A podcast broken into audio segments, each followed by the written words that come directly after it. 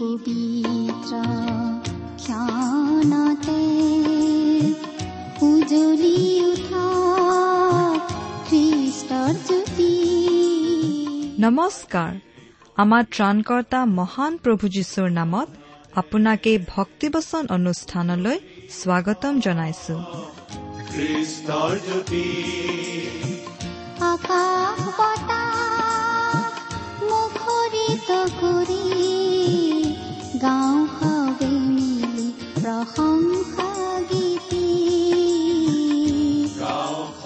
এয়া মুকলি কৰিছো। ঈশ্বৰৰ জীৱিত বাক্যৰ ধাৰাবাহিক অনুষ্ঠান ভক্তি বচন। আপোনাৰ জীৱনত যদি শান্তি পাব বিচাৰে তেন্তে এয়া ঈশ্বৰৰ বাক্যৰ সান্তনা বাক্য ভক্তি বচন। গতিকে আহক আজিৰ শিক্ষা শুনো।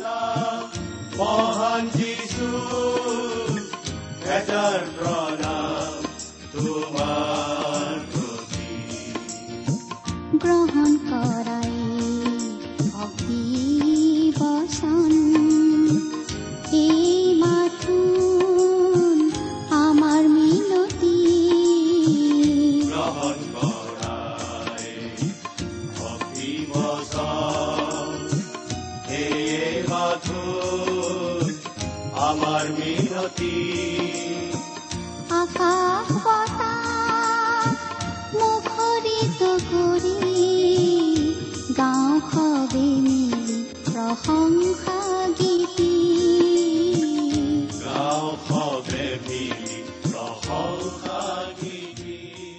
আমাৰ মহান ত্ৰাণকৰ্তা প্ৰভু যীশুখ্ৰীষ্টৰ নামত নমস্কাৰ প্ৰিয় শ্ৰোতা।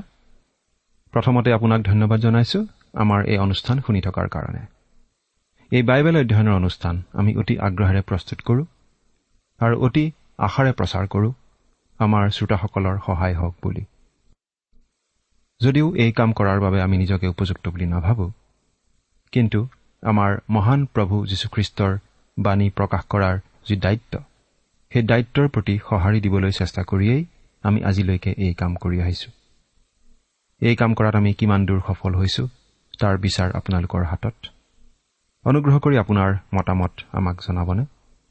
হাতত কাগজ কলম লৈ আমালৈ দুষাৰিমান লিখি পঠিয়াবচোন। আপোনাৰ পৰা অহা দুষাৰীৰ চিঠি এখনেই যে আমাক কিমান উৎসাহ যোগায় সেই কথা আমি বুজাই দিব নোৱাৰো। কেৱল উপলব্ধি কৰাজনেহে বুজি পায়। গতিকে প্ৰিয় শ্ৰোতা আজিয়েই আমালৈ দুকলম লিখি নপঠিয়াই কিয়? আমাৰ ঠিকনা? ভক্তিবচন টি ডব্লিউ আৰ ইণ্ডিয়া ডাক বাকচ নম্বৰ সাত শূন্য গুৱাহাটী সাত আঠ এক শূন্য শূন্য এক। ভক্তিবচন T W R India post box number seventy Guwahati seven eight one zero' zero' one. আমাৰ website W W W dot radio' eight eight two dot com আহকচোন প্ৰিয় শ্ৰোতা আপুনি বাৰু আমাৰ এই ভক্তিবচন অনুষ্ঠানটো নিয়মিতভাৱে শুনি আছেনে? আমি বাৰু বাইবেলৰ কোনখন পুস্তকৰ অধ্যয়ন চলাই আছো মনত আছেনে? আমি আজি কিছুদিন ধৰি বাইবেলৰ নতুন নিয়ম খণ্ডৰ জোহনৰ প্ৰথম পত্ৰ নামৰ পুস্তকখন অধ্যয়ন কৰি আছো। নহয়নে বাৰু? আমি যোৱা অনুষ্ঠানত এই প্ৰথম জোহন পুস্তকৰ চাৰি নম্বৰ অধ্যায়ৰ শেষৰটো পদলৈকে পঢ়ি আমাৰ আলোচনা আগবঢ়াইছিলো। গতিকে আজিৰ অনুষ্ঠানত আমি পাঁচ নম্বৰ অধ্যায়ৰ অধ্যয়ন আৰম্ভ কৰিব খুজিছো। এই পাঁচ নম্বৰ অধ্যায়ৰ মূল বিষয় হৈছে ঈশ্বৰ জীৱন জগতৰ ওপৰত বিজয় লাভ কৰাৰ উপায় পৰিত্ৰাণৰ নিশ্চয়তা। আজিৰ বাইবেল অধ্যয়ন আৰম্ভ কৰাৰ আগতে আমি প্ৰাৰ্থনাত মূৰ্ণত কৰোঁ হওক প্ৰাৰ্থনা কৰোঁ। স্বৰ্গত থকা আমাৰ অসীম দয়ালু পিতৃ ঈশ্বৰ তোমাক ধন্যবাদ জনাওঁ কাৰণ তুমি আমাক আকৌ এটা নতুন দিন দেখিবলৈ দিলা আৰু আকৌ এবাৰ তোমাৰ বাক্য অধ্যয়ন কৰিবলৈ এই সুযোগ দিলা। প্ৰভু তোমাক অশেষ ধন্যবাদ কিয়নো তোমাৰ প্ৰেম তোমাৰ কৰোণা অনুগ্ৰহ আৰু দয়া আমাৰ জীৱনত প্ৰকাশ কৰি আছা। প্ৰভু আমি অতি অযোগ্য অধাৰ্মিক লোক হলেও তুমি আমাক দলিয়াই পেলোৱা নাই। বৰং মৰমেৰে বুটলি লৈছা আঁকোৱালি লৈছা। তোমাৰ একমাত্ৰ পুত্ৰ যীশুখ্ৰীষ্টৰ যোগেদি আমালৈ অনন্ত জীৱনৰ অমূল্য দান বিনামূল্যে আগবঢ়াইছা। এতিয়া প্ৰভু তোমাৰ বাক্য অধ্যয়ন কৰি বুজি পাবলৈ তুমি আমাক সহায় কৰা। এই অনুষ্ঠানৰ প্ৰতিজন শ্ৰোতাক তুমি বিশেষভাৱে আশীৰ্বাদ কৰা। তেওঁলোকৰ প্ৰতিজনক তোমাৰ স্পষ্ট মাত শুনিবলৈ দিয়া। তেওঁলোকৰ জীৱনত তোমাৰ গৌৰৱ তোমাৰ মহিমা প্ৰকাশ কৰা।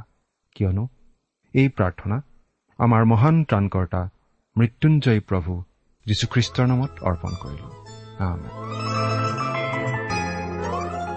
প্ৰিয় শ্ৰোতা আহক এতিয়া আমি বাইবেল অধ্যয়নৰ পিনে আগবাঢ়ি যাওঁ।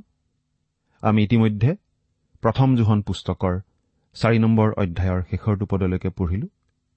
এতিয়া আমি পাঁচ নম্বৰ অধ্যায়ৰ অধ্যয়ন আৰম্ভ কৰিব খুজিছো। এই অধ্যায়টোত মূল বিষয় হিচাপে আমি পাওঁ ঈশ্বৰ জীৱন জগতৰ ওপৰত বিজয় লাভ কৰাৰ উপায় পৰিত্ৰাণৰ নিশ্চয়তা। প্ৰথমতে আমি পাওঁ ঈশ্বৰ জীৱন। এই অধ্যায়ত আমি এই পুস্তকৰ শেষৰটো প্ৰধান ভাগত প্ৰৱেশ কৰোঁ। এই পুস্তকখনৰ প্ৰথমটো ভাগত আমি পঢ়িবলৈ পাইছিলো যে ঈশ্বৰ পোহৰ। তাৰ পাছত মাজৰ খণ্ডটোত আমি পাইছিলো যে ঈশ্বৰ প্ৰেম। আৰু এই শেষৰ অধ্যায়টোৰ মূল বক্তব্য হৈছে ঈশ্বৰ জীৱন। এই পাঁচ নম্বৰ অধ্যায়ৰ প্ৰথমৰ পদ পাঁচটাত খ্ৰীষ্টীয় বিশ্বাসীয়ে জগতৰ ওপৰত কেনেদৰে জয় সাব্যস্ত কৰিব পাৰে? সেই কথা কোৱা হৈছে। ইয়াত জগত মানে মূল গ্ৰীক শব্দ কচমছক বুজোৱা হৈছে। কচমছ মানে এই জগতখনৰ অনুষ্ঠান প্ৰতিষ্ঠান সংগঠন শাসন ব্যৱস্থা এই জগতৰ লোভ স্বাৰ্থপৰতা দুখ যন্ত্ৰণা বেমাৰ আজাৰ আৰু ভয়াৱহ পাপপূৰ্ণ অৱস্থা সকলোকে বুজোৱা হৈছে। জোহনে আমাক এই কথা দেখুৱাই দিব খোজে যে খ্ৰীষ্টীয় বিশ্বাসী লোকসকলে এই জগতৰ ওপৰত এই জীৱনতে জয় সাব্যস্ত কৰি জীয়াই থাকিব পাৰে। জয়যুক্ত খ্ৰীষ্টীয় জীৱন যাপন কৰাটো সম্ভৱ। এতিয়া আমি বাইবেলৰ পৰা পাঠ কৰি দিব খুজিছো। অনুগ্ৰহ কৰি আপোনাৰ বাইবেলখন মেলি লওক। আৰু লগত যদি বাইবেল নাই মন দি শুনিবচোন। প্ৰথম জোহন পাঁচ নম্বৰ অধ্যায় প্ৰথম পদ। যীশু যে সেই অভিষিক্ত জনা ইয়াক যিকোনোৱে বিশ্বাস কৰে তেওঁ ঈশ্বৰৰ পৰা জন্ম পোৱা। আৰু যিকোনোৱে জন্ম দিওঁতাক প্ৰেম কৰে তেওঁ তেওঁৰ পৰা জন্ম পোৱাজনাকো প্ৰেম কৰে। ঈশ্বৰ জীৱন। আৰু সেই জীৱন আহে ঈশ্বৰৰ পৰা জন্ম পোৱাৰ দ্বাৰা। যীশু যে সেই অভিষিক্ত জনা ইয়াক যিকোনোৱে বিশ্বাস কৰে তেওঁ ঈশ্বৰৰ পৰা জন্ম পোৱা। এইটোৱেই ঈশ্বৰৰ পৰা জন্ম পোৱাৰ পদ্ধতি। এনেদৰেই আমি আম্মিকভাৱে নতুন জন্ম লাভ কৰিব পাৰোঁ। পাচনি জোহনে তেওঁ লিখা শুভবাৰ্তাৰ আৰম্ভণিতে আৰু ইয়াতো অতি স্পষ্টভাৱে আমাক জনাই দিছে যে আমি প্ৰভু যীশুখ্ৰীষ্টত স্থাপন কৰা সৰল বিশ্বাসৰ যোগেদিয়েই ঈশ্বৰৰ সন্তান হ'ব পাৰোঁ। বাইবেলৰ পৰা পাঠ কৰি দিছো। তথাপি যিমান মানুহে তেওঁক গ্ৰহণ কৰিলে অৰ্থাৎ তেওঁৰ নামত বিশ্বাস কৰিলে সেই সকলোকে ঈশ্বৰৰ সন্তান হ'বলৈ তেওঁ ক্ষমতা দিলে। জোহন প্ৰথম অধ্যায় বাৰ পদ। অৰ্থাৎ আমি যেতিয়া প্ৰভু যীশুক বিশ্বাস কৰোঁ আমি তেওঁ কোন সেইটোও বিশ্বাস কৰোঁ আৰু তেওঁনো কি কি কৰিলে সেই কথাও বিশ্বাস কৰোঁ। তেওঁ যি যি কৰিলে সেইবোৰৰ একো মূল্যই নাথাকিব যদিহে তেওঁ নিজৰ বিষয়ে কোৱা কথাবোৰ সত্য নহয়। এই কথাটো আমি আগতেও কৈ আহিছো আৰু এতিয়াও কওঁ যে খ্ৰীষ্টৰ জন্ম যে কুমাৰী মৰিয়মৰ গৰ্ভত হৈছিল কোনো পুৰুষৰ সংগ নোহোৱাকৈ একমাত্ৰ পবিত্ৰ আত্মাৰ শক্তিৰে সেই কথাটো অতি গুৰুত্বপূৰ্ণ। গোটেই জগতৰ পাপ মোচনৰ বাবে ক্ৰুচৰ ওপৰত প্ৰাণ বিসৰ্জন দিয়া এই ব্যক্তিজননো কোন? তেওঁ কোনো সাধাৰণ মানুহ নহয়। কাৰণ সাধাৰণ মানুহ নিজেও পাপী আৰু আনকি নিজৰ মুক্তিৰ কাৰণেও প্ৰাণ দিব নোৱাৰে। নিজকেই উদ্ধাৰ কৰিব নোৱাৰে। সাধাৰণ মানুহে কেৱল শাস্তি ভোগ কৰিবহে পাৰে। ঈশ্বৰৰ বাবে চিৰদিনৰ বাবে বিচ্ছিন্ন হোৱা মৃত্যুহে বৰণ কৰিব পাৰে। কিন্তু মুক্তি অৰ্জন কৰিব নোৱাৰে। কিন্তু খ্ৰীষ্ট সাধাৰণ মানুহ নহয়। তেওঁ ঈশপুত্ৰ তেওঁৰ জন্ম অলৌকিক। তেওঁ সমগ্ৰ মানৱৰ পাপৰ শাস্তি নিজে লৈ ক্ৰুচত মৃত্যুবৰণ কৰিলে যাতে তেওঁত বিশ্বাস কৰি মানুহে মুক্তি অৰ্জন কৰিব পাৰে। যীশু যে সেই অভিষিক্ত জনা ইয়াক যিকোনোৱে বিশ্বাস কৰে তেওঁ ঈশ্বৰৰ পৰা জন্ম পোৱা। অৰ্থাৎ খ্ৰীষ্টত বিশ্বাস কৰিহে আমি নতুন জন্ম লাভ কৰিব পাৰোঁ। বিশ্বাসেহে নতুন জন্ম দিব পাৰে। আমি আম্মিকভাৱে নতুন জন্ম লাভ কৰাৰ পাছত আমি যে নতুন জন্ম লাভ কৰিলো সেই কথাটো কেনেকৈ গম পাব পাৰোঁ? আমি বাৰু কিবা গা ৰাইজাই কৰা অভিজ্ঞতা লাভ কৰোঁ নেকি? আমি কিবা বিশেষ ধৰণৰ অনুভূতি লাভ কৰোঁ নেকি? কোনো কোনো লোকে এনেকুৱা বিশেষ ধৰণৰ অনুভূতি লাভ কৰে বুলি আমি শুনিবলৈ পাওঁ। কিন্তু সচৰাচৰ তেনেকুৱা নঘটিবও পাৰে। যীশু যে সেই অভিষিক্ত জনা ইয়াক যিকোনোৱে বিশ্বাস কৰে তেওঁ ঈশ্বৰৰ পৰা জন্ম পোৱা। আৰু যিকোনোৱে জন্ম দিওঁ তাক প্ৰেম কৰে তেওঁ তেওঁৰ পৰা জন্ম পোৱা জনাকো প্ৰেম কৰে। যেতিয়া আমি প্ৰভু যীশুত বিশ্বাস স্থাপন কৰোঁ আমি নতুন জন্ম লাভ কৰোঁ ঈশ্বৰৰ সন্তান হৈ পৰোঁ। ঈশ্বৰ হৈ পৰে আমাৰ স্বৰ্গত থকা পিতৃ। তেওঁ পিতৃ ঈশ্বৰ আৰু তেওঁ হৈ পৰে আমাৰ স্বৰ্গীয় পিতৃ। আৰু যদিহে তেওঁ আমাৰ স্বৰ্গীয় পিতৃ আৰু আমি তেওঁৰ সন্তান হওঁ তেতিয়াহ'লে আমি তেওঁক প্ৰেম কৰিমেই। কিন্তু কথাটো তাতেই শেষ নহয়। আমি তেওঁৰ পৰা জন্ম পোৱা আন আন ব্যক্তিসকলকো প্ৰেম কৰিম। অৰ্থাৎ আমি ঈশ্বৰৰ আন আন সন্তানবোৰকো প্ৰেম কৰিম। এই কথাটো পাচনি জোহনে আমাক আগতেও কৈ আহিছে। তেওঁ এই বুলিও কৈছে যে এই কথাটো একো নতুন কথা নহয়। আমি প্ৰথম জোহন তিনি অধ্যায় এঘাৰ পদত এনেদৰে পঢ়িবলৈ পাওঁ। কিয়নো আমি যেন পৰস্পৰে প্ৰেম কৰোঁ তোমালোকে আদিৰে পৰা শুনা বাৰ্তা এই প্ৰভু যীশুৱে এনেদৰে কৈছিল তোমালোকে যদি পৰস্পৰৰ মাজত প্ৰেম ৰাখা তেন্তে তোমালোক যে মোৰ শিষ্য ইয়াক তাৰ দ্বাৰাই সকলোৱে জানিব। জোহন তেৰ অধ্যায় পঁয়ত্ৰিশ পদ। ঈশ্বৰৰ পৰা জন্ম পোৱা। এই কথাটো খুব গুৰুত্বপূৰ্ণ। ঈশ্বৰৰ পৰা জন্ম পোৱা কথাটো আমি ভালদৰে বুজি পাব লাগে। আমি কোনো এটা খ্ৰীষ্টীয় মণ্ডলীত যোগ দি নাইবা কোনো বিশেষ ৰীতি নীতি পালন কৰি ঈশ্বৰৰ পৰা জন্ম নাপাওঁ। আমি কোনো মণ্ডলীৰ সভ্য সভ্যা হ'ব পাৰোঁ। মণ্ডলীৰ সভ্য সভ্য হিচাপে আমি নিশ্চয় নানা ধৰণৰ নিয়ম মানি চলিব পাৰোঁ। কিন্তু এইবিলাকে আমাক ঈশ্বৰৰ সন্তান নকৰে।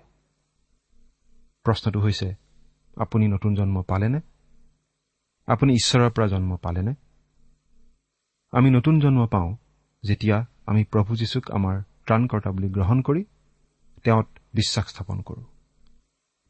আমি যে নতুন জন্ম পালো তাৰ প্ৰমাণ হৈছে ঈশ্বৰৰ প্ৰতি থকা আমাৰ প্ৰেম। আমি নিজৰ পিতৃক প্ৰেম কৰোঁ। কাৰণ তেওঁ আমাৰ জন্মদাতা।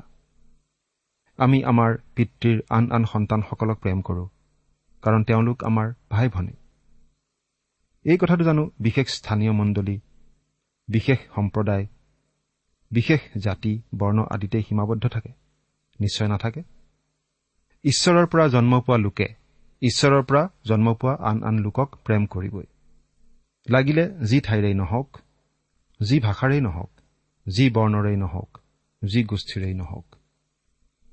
আমি যে প্ৰভু যীশুক গ্ৰহণ কৰি পৰিত্ৰাণ লাভ কৰিলো নতুন জীৱন পালো ঈশ্বৰৰ সন্তান হলো সেই কথাটো আমি জানিব পাৰোঁ। আমাৰ পৰিত্ৰাণৰ নিশ্চয়তা আমি লাভ কৰিব পাৰোঁ এই জীৱনতে এতিয়াই। এই পত্ৰখনত জোহনে আমাক বাৰে বাৰে এই বিষয়ে কৈ আহিছে যে আমি ঈশ্বৰৰ সন্তান হলো বুলি জানিব পাৰোঁ। প্ৰথমতে ঈশ্বৰৰ সন্তানে নিজৰ জীৱনত ধাৰ্মিকতা উৎপন্ন কৰে। তেওঁ ধাৰ্মিক। ইয়াকে যদি জানা তেন্তে যিকোনোৱে ধৰ্ম আচৰণ কৰে তেওঁ যে তেওঁৰ পৰা জন্ম পোৱা হয় তাকো তোমালোকে জানা। প্ৰথম জোহন দুই অধ্যায় ঊনত্ৰিশ পদ। খ্ৰীষ্টীয় বিশ্বাসীজনে সদায় সৎকৰ্ম কৰিবলৈ হাবিয়াস কৰিবই। অসৎ পথত চলি কেতিয়াও ভাল নাপাবই। কেতিয়াবা পিছলি পৰিলেও আকৌ উঠিবই। মুঠতে ধাৰ্মিকতাপূৰ্ণ জীৱন যাপন কৰাটো আমাৰ স্বভাৱত পৰিণত হ'ব যদিহে আমি ঈশ্বৰৰ সন্তান হওঁ।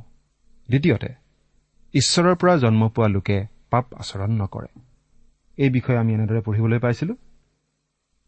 যিকোনো ঈশ্বৰৰ পৰা জন্ম পোৱা হয় তেওঁ পাপ আচৰণ নকৰে কাৰণ ঈশ্বৰৰ বীজ তেওঁৰ অন্তৰত থাকে আৰু তেওঁ পাপ কৰিব নোৱাৰে কাৰণ ঈশ্বৰৰ পৰা তেওঁৰ জন্ম হ'ল। প্ৰথম জোহন তিনি অধ্যায় ন পদ। ঈশ্বৰৰ পৰা জন্ম পোৱাৰ পাছত আমি আৰু পাপত থাকি ভাল নাপাওঁ। পাপ কৰি আৰু আমেজ নাপাওঁ কিন্তু পাপক ঘীন কৰাহে হওঁ। পাপী লোকৰ জীৱন প্ৰণালী হৈছে পাপ। পাপী লোকে অনবৰতে পাপতেই থাকে। পাপী লোকে আন ধৰণৰ ব্যৱহাৰ কৰিব বুলি আশা কৰিবও নোৱাৰি। কিন্তু খ্ৰীষ্টক ত্ৰাণকৰ্তা বুলি গ্ৰহণ কৰি নতুন জন্ম লাভ কৰাৰ লগে লগে সকলো সলনি হৈ যায়। নতুন জন্ম লাভ কৰা লোকে আৰু পাপ আচৰণ নকৰে। পাপত থাকি আৰু ভাল নাপায়। কেতিয়াবা পাপত পৰিলেও মনত অশান্তি পায় আৰু সেই পাপৰ ক্ষমা বিচাৰে আৰু আকৌ সৎপথলৈ উভতি আহে। তৃতীয়তে ঈশ্বৰৰ সন্তানে আন আন খ্ৰীষ্টীয় বিশ্বাসীক প্ৰেম কৰিবই। এই বিষয়ে আমি এনেদৰে পঢ়িবলৈ পাইছিলো। হে প্ৰিয়বিলাক আহা আমি পৰস্পৰে প্ৰেম কৰোঁ হওক। কিয়নো প্ৰেম ঈশ্বৰৰ পৰা হয়।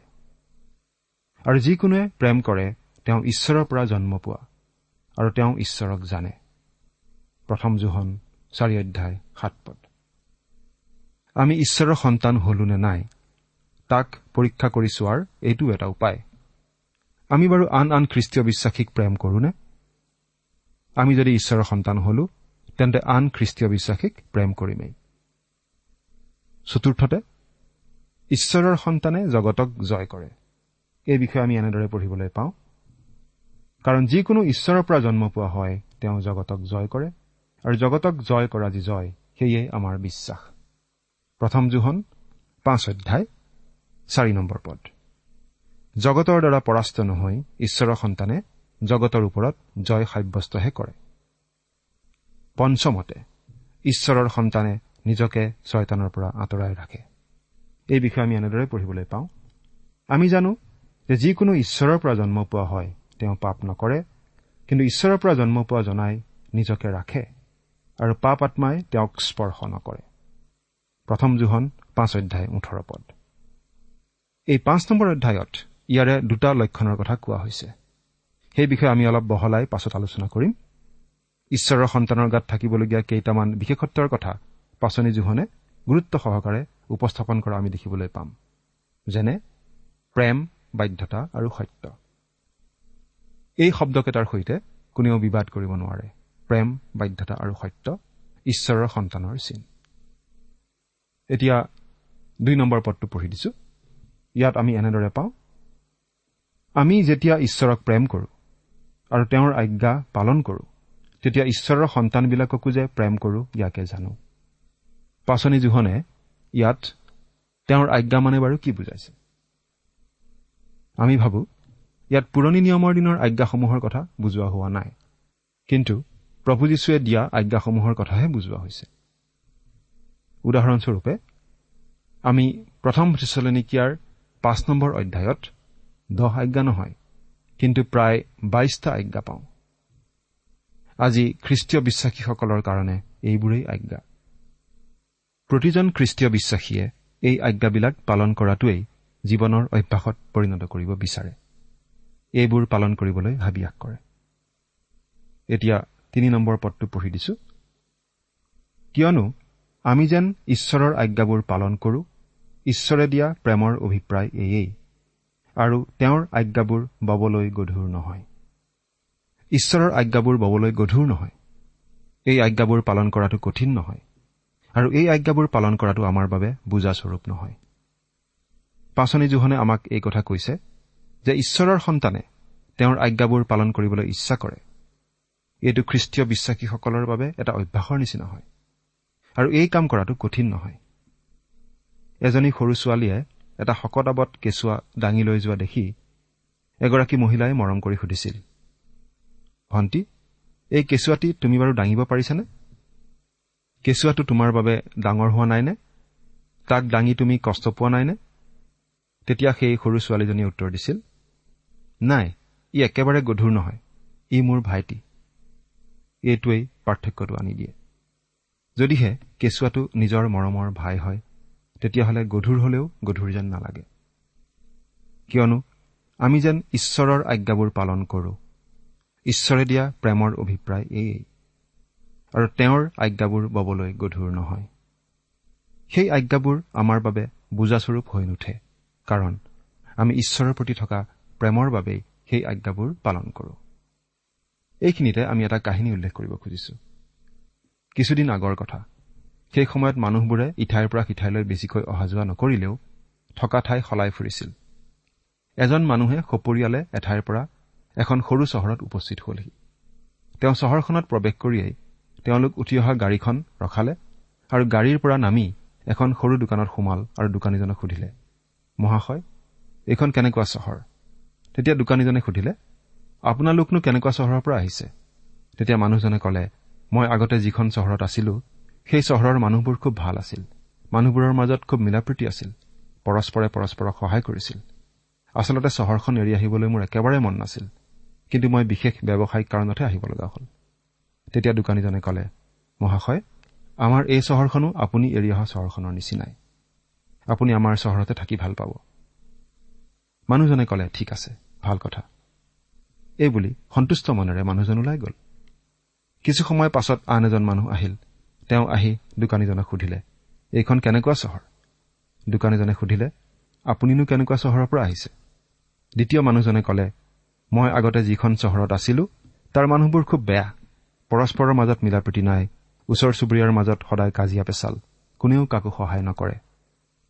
মোৰ ঠাইখন একেবাৰে ভাল নালাগিল আৰু সেইকাৰণে সেইখন এৰি থৈ আহিলো। এই চহৰখন কেনেকুৱা? তেতিয়া দোকানীজনে কলে এই চহৰখনো আপুনি এৰি অহা চহৰখনৰ নিচিনাই। আপুনি থাকি একেবাৰে ভাল নাপাব। আপুনি বেলেগ চহৰ বিচাৰি যোৱাই ভাল। দ্বিতীয় মানুহজন গুচি গ'ল। এজন মানুহে দোকানত বহি এই কথাবোৰ লক্ষ্য কৰি আছিল। তেওঁ দোকানীজনক সুধিলে আপুনি দেখোন এজনক এই চহৰখন ভাল বুলি কলে। আৰু আনজনক এই চহৰখন বেয়া বুলি কলে। কিয়? মই বুজি নাপালো। তেতিয়া সেই দোকানীজনে কলে আচলতে গোটেই কথাটো নিৰ্ভৰ কৰে মানুহবোৰৰ ওপৰত। আপুনি নতুন ঠাইলৈ গলেও সেই ঠাইখন আগৰ ঠাইৰ নিচিনাই হ'ব কাৰণ আপুনিতো একেজনেই মানুহ। মানুহজন সলনি নোহোৱালৈকে ঠাইবোৰ সলনি নহয়। ভাল মানুহে সকলো ঠাই ভাল যেনেই পাব। প্ৰিয় শ্ৰোতা আমি খ্ৰীষ্টীয় বিশ্বাসীসকলে এই কথাটো মনত ৰখা উচিত। আনে আমাৰ কাৰণে কিবা কৰি দিব বুলি আশা কৰি নাথাকি আমিহে আমাৰ কাৰ্যৰ যোগেদি আনৰ প্ৰতি প্ৰেম প্ৰদৰ্শন কৰিবলৈ অনবৰতেই সাজু থকা উচিত। জোহনে লিখা শুভবাৰ্তা তেৰ নম্বৰ অধ্যায়ৰ পঁয়ত্ৰিশ নম্বৰ পদত আমি এনেদৰে পঢ়িবলৈ পাওঁ। প্ৰভু যীশুৱে কোৱা কথা তেওঁ কৈছিল তোমালোকে যদি পৰস্পৰৰ মাজত প্ৰেম ৰাখা তেন্তে তোমালোক যে মোৰ শিষ্য ইয়াক তাৰ দ্বাৰাই সকলোৱে জানিব। এৰা প্ৰিয় শ্ৰোতা যদি আপুনি প্ৰভু যীশুখ্ৰীষ্টক প্ৰেম কৰে যদি আপুনি পিতৃ ঈশ্বৰক প্ৰেম কৰে আপুনি আন খ্ৰীষ্টীয় বিশ্বাসীসকলক প্ৰেম কৰিবই। আপুনি ঈশ্বৰৰ আজ্ঞা মানি চলা উচিত বুলি নিজেই গম পাব। আৰু সেই আজ্ঞাবোৰ আপোনাৰ বাবে বুজাস্বৰূপ নহ'ব। প্ৰভু যীশুৱে এই বুলি কৈছিল। মুঠিয়ে লিখা শুভবাৰ্তা এঘাৰ নম্বৰ অধ্যায়ৰ ত্ৰিশ নম্বৰ পদত কিয়নো মোৰ জুৱলি সুসহ্য আৰু ভাৰো লঘু। কিন্তু প্ৰভু যীশুৰ প্ৰতি আমাৰ অন্তৰত প্ৰেম নাথাকিলে প্ৰভু যীশুক সেৱা কৰিবলৈ আমাৰ মন নাথাকিলে তেওঁৰ আজ্ঞাবোৰো আমাৰ বাবে গধুৰ গধুৰ হ'ব। কিন্তু আমি যদি প্ৰভু যীশুক আমাৰ ত্ৰাণকৰ্তা বুলি গ্ৰহণ কৰিছো আমি যদি নতুন জন্ম পালো আৰু ঈশ্বৰৰ সন্তান হলো আমি প্ৰভু যীশুক নিশ্চয় প্ৰেম কৰিম। আমাৰ স্বৰ্গীয় পিতৃ ঈশ্বৰক নিশ্চয় প্ৰেম কৰিম। আমি নিশ্চয় তেওঁৰ পৰিচৰ্যাত লাগি থাকিবলৈ ইচ্ছা কৰিম। আমি নিশ্চয় তেওঁৰ আজ্ঞাবোৰ পালন কৰিবলৈ ইচ্ছা কৰিম। প্ৰিয় শ্ৰোতা ঈশ্বৰৰ পৰিচৰ্যাৰ প্ৰতি আপোনাৰ হৃদয়ত বিশেষ চিন্তা আছেনে? ঈশ্বৰৰ বাক্য বিয়পি যাব লাগে বুলি আপুনি বাৰু চিন্তা কৰেনে? আপুনি বাৰু এই ক্ষেত্ৰত কি কৰিছে? আপুনি বাৰু প্ৰভু যীশুৰ বিশ্বাসী হিচাপে আন বিশ্বাসীসকলৰ সৈতে প্ৰভুৰ পৰিচৰ্যাৰ কামত সহযোগ কৰি আছেনে? চিন্তা কৰি চাওকচোন। ঈশ্বৰে আপোনাক সহায় কৰক। আমেন।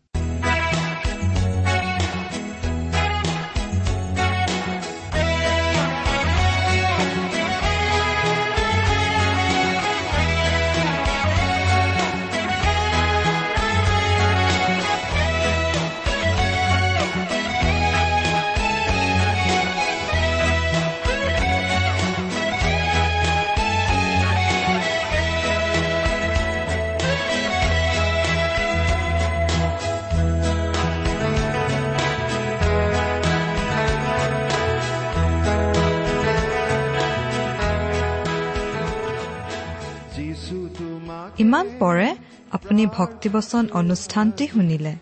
এই বিষয়ে আপোনাৰ মতামত জানিবলৈ পালে আমি নথৈ আনন্দিত হ'ম আমি প্ৰস্তুত কৰা বাইবেল অধ্যয়নৰ আন চিডিসমূহ পাব বিচাৰিলেও আমালৈ লিখক। অনুষ্ঠানটি শুনি কেনে পালে আমালৈ চিঠি লিখি জনাবচোন। অনুষ্ঠানত প্ৰচাৰ কৰা কোনো কথা বুজিব লগা থাকিলেও আমালৈ লিখক। আমাৰ ঠিকনা? ভক্তিবচন ট্ৰান্স ৱৰ্ল্ড ৰেডিঅ' ইণ্ডিয়া ডাক বাকচ নম্বৰ সাত শূন্য গুৱাহাটী সাত আঠ এক শূন্য শূন্য এক।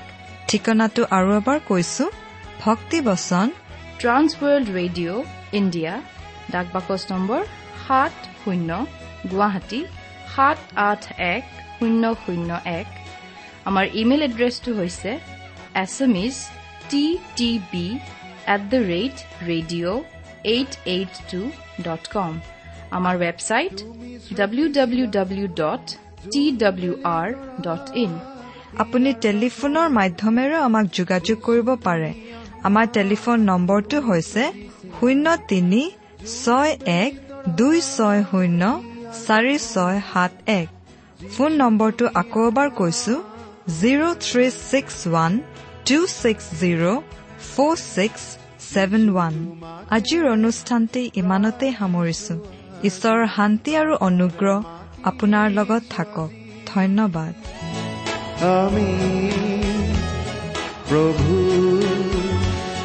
যিছু যিছু তোমাকে প্ৰাৰ্থিছো আজি কাতৰে মাতিছো আজি। আমি প্ৰভু যিছু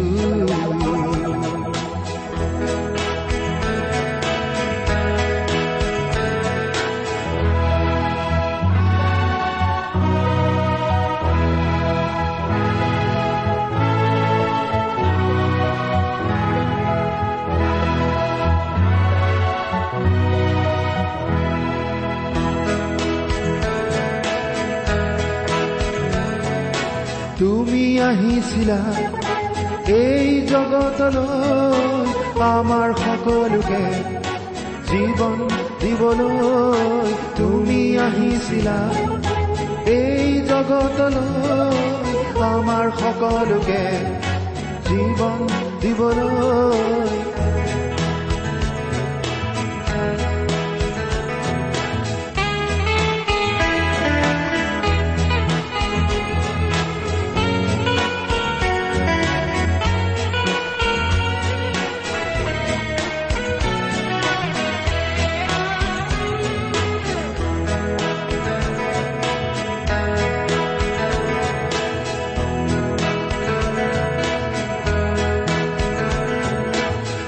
তোমাৰ প্ৰেমৰ কথা।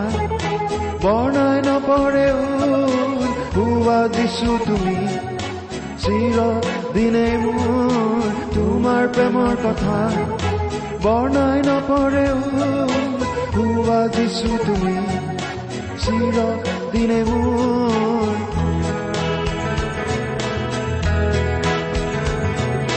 যিছু তোমাকে প্ৰাৰ্থিছো আজি। কাতৰে মাতিছো আজি আমি প্ৰভু যিছু প্ৰভু যিছু প্ৰভু যিছু প্ৰভু যিছু